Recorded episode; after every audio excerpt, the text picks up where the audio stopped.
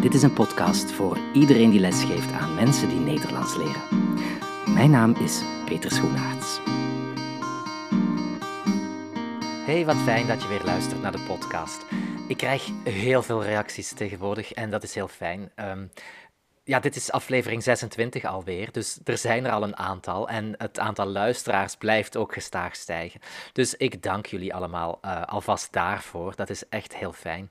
En um, er komen vragen binnen, er komen reacties binnen, zowel via Facebook op de pagina docentnt2.eu, als via mijn e-mail, als via Spotify bijvoorbeeld. Daar kun je trouwens ook een uh, gesproken reactie achterlaten tegenwoordig. Eén minuutje, maximaal één minuutje, kun je als reactie inspreken en dan krijg ik dat te horen en uh, dat is altijd heel fijn.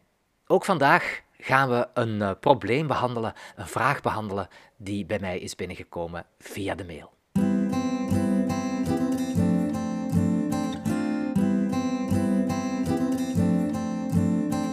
Veel docenten kennen het probleem. Leerlingen of cursisten verschijnen plots in een klas. De cursus loopt al, en soms verdwijnen die mensen ook weer even plots. Maar hoe ga je daarmee om? En ik kreeg die vraag van Marja Hodes. En zij geeft les aan erkende asielzoekers in Nederland.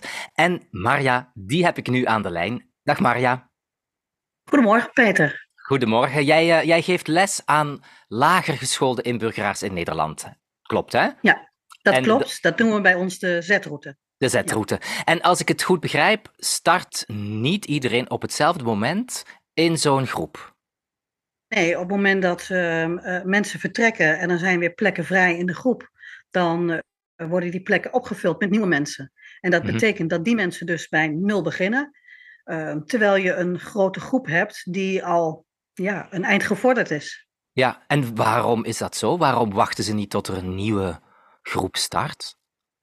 Nou ja, op het moment dat uh, voor hun de, de, de inburgering gaat lopen, dan zijn ze verplicht om naar de taalles te gaan en um, uh, zich bezig te houden met, met de taal.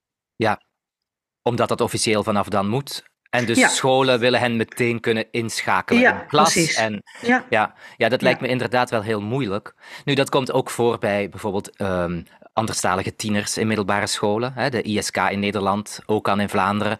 Als daar jongeren verschijnen in de loop van een schooljaar, moeten die ook in een klas terecht. En dan heeft die klas natuurlijk al uh, een heleboel dingen gedaan. Um, uh, jij hebt dat zelf al vaker meegemaakt? Ja, ik uh, heb dat nu inmiddels uh, voor de derde keer meegemaakt. Ik heb, uh, op dit moment geef ik les aan drie verschillende groepen. Um, en in alle drie de groepen komt het voor dat mensen verdwijnen en dat nieuwe mensen zich aandienen. Ja. En, en wat is voor jou dan het moeilijkste? Of, of waar, waar loop nou, je dan tegenaan? Het lastigste is, het, de mensen die nieuw zijn, die beginnen bij nul. Die kunnen nog niks. Um, die hebben nog geen, geen kennis van de Nederlandse taal. En anderen zijn misschien al een half jaar of nog langer bezig en kunnen zich best al wat aardig redden en zijn bijvoorbeeld halverwege in het boek, um, terwijl de nieuwe mensen vooraan in het boek moeten beginnen. En die zitten in dezelfde klas. in klas. Ja, natuurlijk. Ja. Want ja. dan, ga je, dan probeer je te differentiëren, veronderstel ik. Ja. Ja, en is dat, voel je ook dat er frustratie is, zowel bij degenen die al verder gevorderd zijn, als bij degenen die moeten beginnen? Ja, in beide groepen is die frustratie aanwezig. Want de mensen die uh, al verder zijn, die um, uh, denken, ja, dit heb, ik al, uh, dit heb ik al geleerd, dit ken ik al, moet ik het nog een keer doen? En de anderen denken van, ja, um, maar ik begin halverwege het boek. Uh, dat ja. is lastig, ik wil bij het begin beginnen. Ja, inderdaad raar hè, dat dat, dat dat zo vaak voorkomt. Wel, ja. uh, ik ga met iemand praten die, die uh, misschien wel een heleboel tips heeft voor mensen die in soortgelijke situaties zitten. Um, maar ja, ik wil jou alvast danken voor het stellen van de vraag. En uh, ik hoop Graag dat je iets hebt uh, aan het interview dat zo dadelijk volgt. Dat hoop ik ook. Dank je wel alvast. Ja, ja tot ziens. Heel veel succes met de podcast. Dank je wel.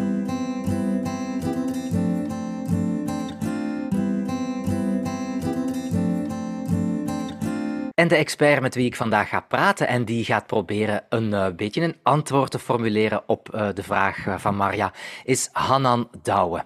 En Hanan is lector aan de Antwerp School of Education, een academisch expertisecentrum van de faculteit Sociale Wetenschappen aan de Universiteit Antwerpen. En zij doen vakdidactisch en onderwijskundig onderzoek. Hanan gaf zelf twintig jaar lang les aan anderstalige tieners in het Vlaamse OCAN-onderwijs, en dat is te vergelijken met de ISK in Nederland. En ze is ook al meer dan tien jaar lerarenopleider. En ik heb haar dus nu aan de lijn. Dag Hanan. Dag Peter. Jij hebt zelf, als ik het zo mag noemen, een uh, gemengde culturele achtergrond. Kun je daar eens iets over vertellen? Ja, dus uh, ja, ik heb zelf een Marokkaanse vader en een Belgische moeder. Dus -hmm. uh, dat betekent dat ik letterlijk met uh, twee culturen opgegroeid ben. -hmm. um, ja, dat maakt dat ik ook van jongs af eigenlijk heel gevoelig ben geweest altijd voor culturele verschillen en daar ook alert voor was, ook misschien nieuwsgierig naar. Um, ja, heeft ook gemaakt dat ik veel meer bewust was met de vorming van mijn eigen identiteit eigenlijk. Dus ik denk wel dat dat heel vergelijkbaar is met wat dat, uh, ja, jonge nieuwkomers soms doormaken, denk ik. Ja, ja want dat, dat wilde ik net vragen. Kun je vanuit die eigen ervaringen, uh, kon je daardoor makkelijker omgaan met die anderstalige nieuwkomers? Um, ik denk wel dat het een voordeel is. Um, ik, ik, herinner mij dat toen ik zelf jong was, dat ik eigenlijk in het onderwijs en ook in de bredere samenleving weinig rolmodellen eigenlijk zag. En ik, um, ik denk dat ik daardoor ook bewust het onderwijs ben ingegaan, omdat ik vond, ja, uw leerlingen kunnen aanspreken en dat ze zichzelf in u herkennen, dat dat wel wat, wat doet. Dus ik merk dat ik sneller hun vertrouwen uh, kan winnen. Um, ook het vertrouwen van de ouders van de leerlingen kan ik uh, sneller uh, winnen. En ik denk dat het inderdaad te maken heeft met mijn culturele achtergrond. Absoluut. Ja, ja dat kan ik me voorstellen. Um, zeg dan, waarom, um, waarom lukt het niet altijd om mensen op hetzelfde moment aan een schooljaar te laten beginnen. En jij hebt natuurlijk die ervaring uh, bij uh, OCAN, bij de anderstalige tieners. Um, hoe komt dat, dat niet iedereen op hetzelfde moment begint? Um, ik denk dat de, grootste factor daarin is dat we vaak met uh, vluchtelingen werken. Mensen die, die ja, ergens in hun land plots zijn moeten vluchten en daardoor ook hier gewoon plots verschijnen. Of die een procedure moeten doorlopen om hun documenten in orde te krijgen, officieel om zich te kunnen inschrijven. Wat maakt dat wij eigenlijk met mondjesmaat uh, leerlingen of cursisten um, binnenkrijgen in onze lessen en in, uh, in onze scholen. Ja, en die, ja, waarschijnlijk zijn er dan niet genoeg startmomenten van cursussen. Of ja, zoals in het secundair onderwijs, het schooljaar begint nu eenmaal 1 september. Klopt. Dus die komen dan gewoon in de klas terecht. Klopt, inderdaad. Dus bij ons hier in België, of toch in Vlaanderen, is er in het volwassenenonderwijs een modulair systeem, waardoor dat ze wel een beetje kunnen inschuiven in een pas startende module. Maar inderdaad, in het secundair onderwijs, als je de start in september gemist hebt, dan heb je die gemist. En dan gebeurt het inderdaad dat leerlingen instromen in een uh, ja, in een bestaande klas, wat dat uiteraard veel uitdagingen met zich meebrengt, zowel voor de leraar als voor de leerling zelf. Ja, ja, en ik zie eigenlijk wel parallellen met uh, wat, uh, wat Marja beschreef, de, de erkende asielzoekers in Nederland die plots Nederlands moeten gaan volgen en ook in een uh, klas terechtkomen. Dat is een beetje te vergelijken zoals, zoals die tieners die op een school plots in een klas gezet worden. Kun je misschien eens vertellen, en we trekken het een beetje open, ik zou zeggen van laten we eens kijken van hoe we dit in het algemeen kunnen bespreken. Hoe zou jij als docent ervoor zorgen dat nieuwe leerders die in een, in een klas die al bestaat, die daar plots opdagen, hoe zou je ervoor zorgen dat die aansluiting kunnen vinden bij de rest van de klas en, bij de leerstof? Ja.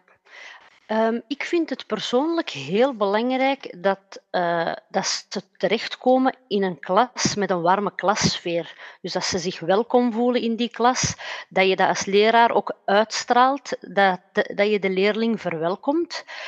Um, en dat straal je ook uit door je omgang met de andere leerlingen, uiteraard. Um, dus ik denk dat dat wel het, het eerste is, dat, ze, dat, dat de les luchtig lijkt. Mm -hmm. Dat ze zich wel, wel welkom voelen op die ja, manier. Dat is belangrijk wat je zegt, hè, dat dat luchtig lijkt. Want natuurlijk, um, het moet niet altijd plezierig zijn. Ze moeten echt wel dingen leren. Hè?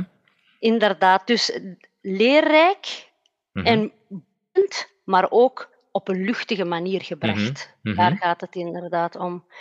Ehm, wat, wat ik zelf ook persoonlijk eh, deed, is proberen die leerder te koppelen aan een leerder met dezelfde, ehm, zo'n soort van buddy-systeem, met dezelfde moedertaal, die Mhm. de leerling een beetje mee op sleeptouw kan nemen en zorgt bij de leerling ook voor herkenning. Want hij ziet iemand met dezelfde moedertaal of dezelfde achtergrond. En dat geeft wel, wel wat steun.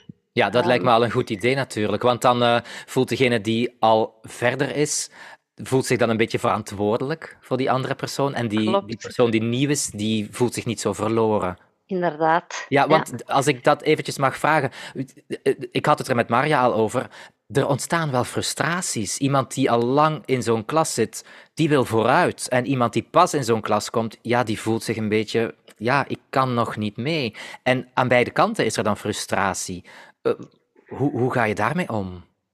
Ehm, ik denk dat het inderdaad belangrijk is dat de leerling die dan al wat langer in de klas zit, voelt dat hij ook vooruitgang maakt. En dat kan erin bestaan van inderdaad iemand nieuw eh, verder te helpen.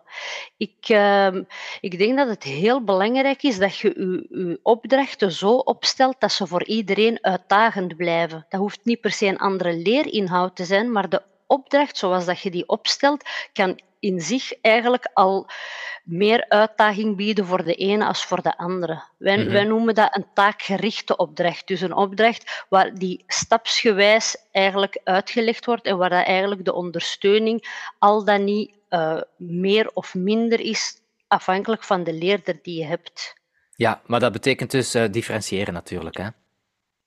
Dat, dat is inderdaad een vorm van differentiëren. Ja, Dat klopt. ja, ja. Ik wil er ook nog aan toevoegen dat het eh, belangrijk is dat wanneer je een nieuwe leerling in je klas hebt, dat je je instructietaal aanpast. Dus dat je nog meer let op je instructietaal om die leerling zeker mee te hebben. Ook zo kleine dingen zoals vaste klasroutines die je hebt, die al vanzelfsprekend zijn voor de andere leerlingen, dat je die nog eens meer in de verf zet of toelicht. Dus dat, dat de leerling zich ook echt betrokken voelt, Ja, dat er geen dingen gebeuren die hij niet begrijpt of zo. inderdaad. En wat bedoel je dan met die instructietaal? Dat je terug heel eenvoudige instructies gaat geven, ook als je al een beetje gevorderd was? Eh, niet per se, maar dat je er gewoon beter bij stilstaat dat. eh, dat kan, hè. het kan zijn dat je inderdaad de instructie eenvoudiger vormt, maar dat je er gewoon beter checkt of de instructie wel, wel begrepen is. Of laat parafraseren door een andere leerling, waardoor het automatisch in een makkelijkere taal geformuleerd wordt en de nieuwe leerder het misschien wel begrijpt. Mhm, mhm. Ik ben het daar helemaal mee eens. Ehm, Hanan, hoe kun je een, een lesprogramma afwerken als niet altijd iedereen aanwezig is? Of als niet altijd iedereen aanwezig is geweest? Hoe zorg jij als docent ervoor dat je toch die doelen bereikt die je wilt bereiken? Ik vind eigenlijk dat een, het, het leerproces een engagement vraagt van zowel de leraar als de leerling. Mhm, Dus in eerste instantie moet je de leerling uiteraard op zijn eigen verantwoordelijkheid ook wijzen. hè. mhm. Ehm, en dan voor u als leraar moet je inderdaad bijhouden wie wat gemist heeft. Ehm, ik weet niet hoe, hoe het zit in de ESK, maar bij, bij ons in OCAN is er eigenlijk een cyclische werking, waardoor dat heel veel thema's terugkomen, maar dan in een eh, hogere moeilijkheidsgraad. Ja, Ehm, wat betekent dat je op dat moment wel momenten kunt inlassen voor remediëring als dat nodig zou zijn voor die nieuwe leerders of leerders die, die pas later aangesloten eh, zijn. Dus ze kunnen wel ergens altijd wel opnieuw inpikken. ja. Dat, ik Ehm, vind het wel belangrijk, dat cyclische. Dus eigenlijk zeg je, je herhaalt dingen, maar je maakt ze in de herhaling een tikje moeilijker. Je voegt dingen toe, maar wie nog niet Inderdaad, mee dus- was, die kan wel eh, inpikken. Klopt, dus, dus dat zijn, die leerinhouden breiden zich uit. Mhm. Eh, voldoende ruimte inderdaad voorzien voor, voor remediëring eigenlijk. En eh, heb je nog meer tips om ervoor te zorgen dat er voldoende herhaald wordt, zonder dat het saai wordt, uiteraard? Want ja, als je heel veel herhaalt, gaat het voor sommigen ook saai zijn soms. Ehm, ik vind dat herhaling niet per se saai hoeft te zijn. Ehm, het, het gaat er vooral op, de manier waarop je herhaalt. Dus wanneer je herhaalt, zorg je dat je herhaalt op een andere manier, via andere werkvormen. Ehm, ja, dus, dus gewoon je leeractiviteiten eigenlijk aanpassen. Ja, dus zorgen voor afwisseling eigenlijk, hè? Inderdaad. Mhm, mhm. Afwisseling in werkvormen, afwisseling in vaardigheden. Ehm, en wat ik eigenlijk daar ook bij belangrijk vind, is dat je telkens ook zorgt dat het aansluit bij de noden van de leerder. Dus wat ben ik hiermee in mijn dagdagelijkse leven of wat, wat betekent dit voor mijn verdere schoolloopbaan? Dat, dat de leerling voelt, dit heb ik nodig en dit ga ik ooit ergens kunnen gebruiken. Dus het is belangrijk dat ik hiermee mee ben. Dat, dat ze begrijpen, vooral, ja, begrijpen ja, waarom dus dat is wat dat wij de, de, zo'n een authentieke of functionele context noemen. Mhm, en mhm. Dat, dat, dat, speelt heel erg in op de motivatie van de leerder. En dat, is wel belangrijk, dat je je leerders motiveert voor wat je, uh, wat je hen gaat brengen op dat moment. Mhm. Zeg, ik vond het al heel interessant dat jij sprak over dat buddy-systeem. Ik denk dat dat een heel goede tip is voor mensen die in deze situatie zitten. Maar um, je hebt ook gesproken over differentiëren. Ik vraag me af hoe ver je kan gaan met differentiëren. Wat, wat moet je wel doen of wat moet je niet doen? Kun je daar misschien eens wat over vertellen? Ja, ik denk dat uh, ja, differentiëren is sowieso noodzakelijk, maar de manier waarop dat je die differentiatie invult, uh, maakt dat het al dan niet haalbaar is. Want ik, ik vind zelf dat je niet alle leerlingen eh, van een individueel pakketje kan voorzien. En dat is ook niet altijd wenselijk, want je hebt wel gemeenschappelijke leerdoelen die behaald moeten worden. Wat ik versta onder differentiatie is als leraar uw leiding en uw ondersteuning aanpassen aan de noden van de leerder. Dus de mate waarin dat je de opdrachten begeleidt of de ondersteuning die je daarbij biedt, bijvoorbeeld, ik denk bijvoorbeeld aan woordenlijstjes of, of spreekkaders of schrijfkaders, zo die dingen, die kan je wel aanpassen aan de, aan de leerder.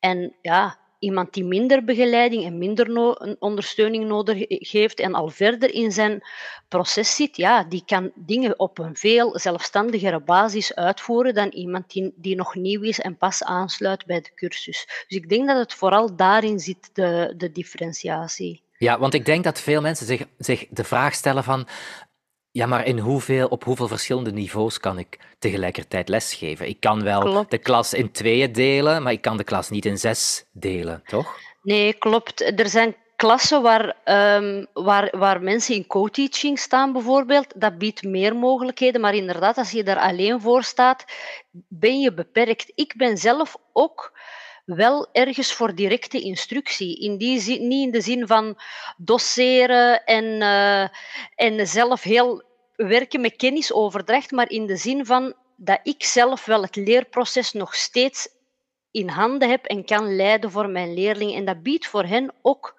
rust, dat biedt voor hen ook een structuur. En ik vind dat wel belangrijk, maar dat wil niet zeggen dat je niet kunt differentiëren. Mhm. Dus ik, ik denk dat het ook vooral, dat is ook bijvoorbeeld, leerlingen veel, leren ook bijvoorbeeld heel veel vanuit interactie met elkaar. Dat kan je als leraar ook heel erg zelf sturen. De manier waarop je de groepjes bijvoorbeeld van groepswerk uh, samenstelt. Uh, die dingen kan zorgen dat je, dat je toch wel ergens kan differentiëren afhankelijk van de noden van, van, van de leerlingen. Mhm. Dus ik denk dat het zo'n kleine dingen zijn die het hem kunnen maken. En dat het niet per se betekent dat je inderdaad ieder een eigen leerpakketje hoeft te geven. Want dat is ook niet haalbaar. Zeker niet voor beginnende leraars.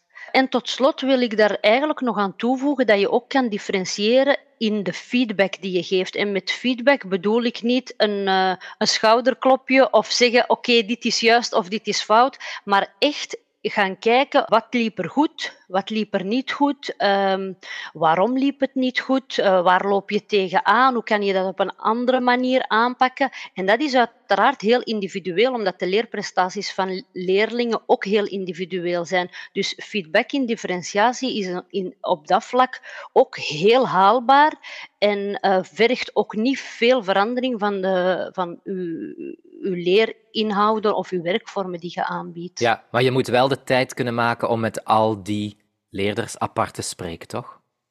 Absoluut, maar feedback moet je geven. Feedback is juist hetgeen waar ze, waar ze uit leren. Het kan mhm. ook zijn dat, dat, dat, leerlingen gelijk, bepaalde leerlingen tegen gelijkaardige dingen aanlopen. Dus die kan je ook wel samen nemen. Dus het is, ik denk feedback is ook niet altijd op het einde van het leerproces. Hè. Dus feedback geef je ook tussendoor na een, na een opdrachtje of na een, een kleine test. Of, dus ik denk niet dat je dat moet zien als iets van, ah ja, en ik ga de leerling nu helemaal apart nemen en heel uitgebreide feedback geven. Dat kan ook heel stelselmatig tussendoor verlopen, maar het is wel heel belangrijk voor het leerproces. Ja, en eigenlijk in het geval waar we nu over praten, mensen die later in een cursus inschuiven, die hebben natuurlijk feedback nodig en tips om ja, zichzelf een beetje bij te werken of dingen te gaan leren die de anderen al kennen. Dus je mag ze niet... Uh, ja, je, je mag ze niet aan hun lot overlaten. Je moet ze eigenlijk een beetje extra, extra begeleiden. En dat kan ook dankzij die feedback, dat klopt. Ja.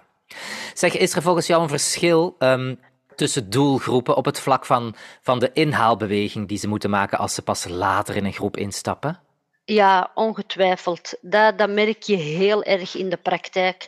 Dus ik merk bijvoorbeeld dat leerlingen die nog een tweede taal spreken naast, mhm. eh, naast hun moedertaal, bijvoorbeeld het Engels of het Frans, waar dat je zo snel iets kan uitleggen in een andere taal of een instructie die ze niet goed begrepen hebben, kan ondersteunen met, met een andere taal, dat die vaak veel sneller mee zijn, omdat die ook al ja, meerdere talen kennen en meerdere taalsystemen kennen. Dus ik denk dat het ook, ook dat wel is. Dus ja, hoger geschoolde leerders, die, die gaan ook vaker zelf vragen naar grammaticale structuren. Of, dus die hebben ook gewoon meer inzicht in taal en hoe je een taal gaat verwerven. Dus ik denk wel dat dat zeker een rol speelt in het, uh, in het leerproces. Anderzijds, lager geschoolde mensen of anders gealfabetiseerde, ja, die moeten ja, daar ga je nog heel erg inzetten op het technische aspect van de taal. Is de uitspraak juist? Uh, ik, vorm ik de schrijfletters correct? Um, ja, dus dat is een hele andere aanpak. Dus uiteraard vertraagt dat wel ergens het, het, het, uh, het leerproces. Ja, en daar moet je natuurlijk dus heel erg van bewust zijn wat de achtergrond is uh, van zo'n leerder. Hè? Maar daar hebben we het al vaker over gehad, van uh, ken, ken je klas, ken je leerder. Absoluut, absoluut. Wat het natuurlijk niet, bedenk ik nu, wat het natuurlijk niet makkelijk maakt voor een docent als je een mengeling hebt van al dat soort mensen in één klas. Ja, dat klopt. Dus wij, wij proberen, de school waar ik uh, stond, probeerden we altijd wel rekening te houden met het niveau van de leerlingen. En werden de leerlingen zo per niveau ingedeeld. En dat gebeurde eigenlijk op basis van het profiel bij inschrijving. Dus je mhm. weet waar de leerling vandaan komt, welke schoolse achtergrond die al dan niet heeft. Um, neemt niet weg dat het soms ook niet altijd klopt en dat de leerling in een verkeerde klas terechtkomt, maar dat heb je wel snel door. Dus dan mhm. kan die wel nog snel overgezet worden naar een andere klas. Maar inderdaad, het blijft een uitdaging, ook vooral omdat leerders um, jonge leerders in het secundair onderwijs zijn leerlingen tussen 12 en de 18 jaar, dus die hebben een, een, een verschillende aanpak nodig. En een 12-jarige spreek je op een hele andere manier aan dan een 18-jarige, maar ze zitten vaak wel samen in dezelfde klas, dus daar moet je ergens de gulden weg, middenweg in zien te vinden van ja, hoe hou ik het voor iedereen boeiend? Ja, uiteraard. Ja. Ehm, ja, ik, ik onthoud al een heleboel dingen van vandaag. Hè? Die differentiatie, die feedback, dat buddy-systeem. Ehm, heb jij misschien een ultieme tip voor leraren die het soms eventjes niet meer zien, uh, zien zitten, die het niet meer weten? Want dat gebeurt uh, vaker in dit soort situaties. Wat voor mij altijd persoonlijk gewerkt heeft, is gewoon heel veel geduld hebben en lesgeven vanuit je hart. Dus dat de, dat de leerder die betrokkenheid gewoon voelt. Um, ik denk dat het, dat het vooral, vooral dat is. ik, uh, mijn naam is Hanan, in het Arabisch Hanan. En uh, dat betekent empathie. En ik heb, uh, ik heb een heel groot empathisch vermogen en ik merk dat leerders dat appreciëren. Ik denk ook dat onze doelgroep, NT2-leerders, dat dat gewoon ook een heel dankbaar publiek is om aan les te geven. Die, die rekenen u ook niet ja, zomaar af. En als je dan eens de mist ingaat of, of je ziet het even niet meer zitten, dan um, ja, so what? Ik denk dat het, vooral belang, dat het vooral aantoont dat je kritisch kijkt naar je eigen functioneren en naar je eigen lessen. En dat maakt dat je kunt blijven groeien als, als, als, als professional, als leraar. En ik, ik vind dat dus niet per se een probleem hoeft te zijn dat je denkt, oké, hoe moet het nu verder? Ja, Ja, en het, ja, dat komt bij iedereen wel eens voor. Hè? Ik bedoel, uh, die moeilijke situaties, ja, die moet je proberen op te lossen zo goed je kan. Maar ja, kijk. Zeg, ik vond het een heel interessant gesprek. En um, ik hoop dat je een hoop mensen wat inspiratie hebt gegeven om, uh, om dit probleem aan te pakken. Ik hoop het ook. ja, dankjewel alvast. En uh, graag tot een volgende keer.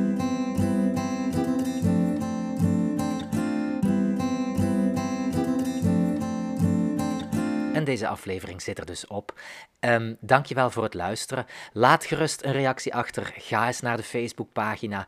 Schrijf je in voor de nieuwsbrief, want ik schrijf één keer in de maand, maximaal één keer in de maand, stuur ik een nieuwsbrief rond met een aantal didactische tips of een aantal andere interessante zaken. En daarvoor kun je inschrijven op de website, de website docentnt2.eu. En daar vind je ook een overzicht van alle afleveringen en de extra materialen of extra websites die in een aflevering genoemd zijn.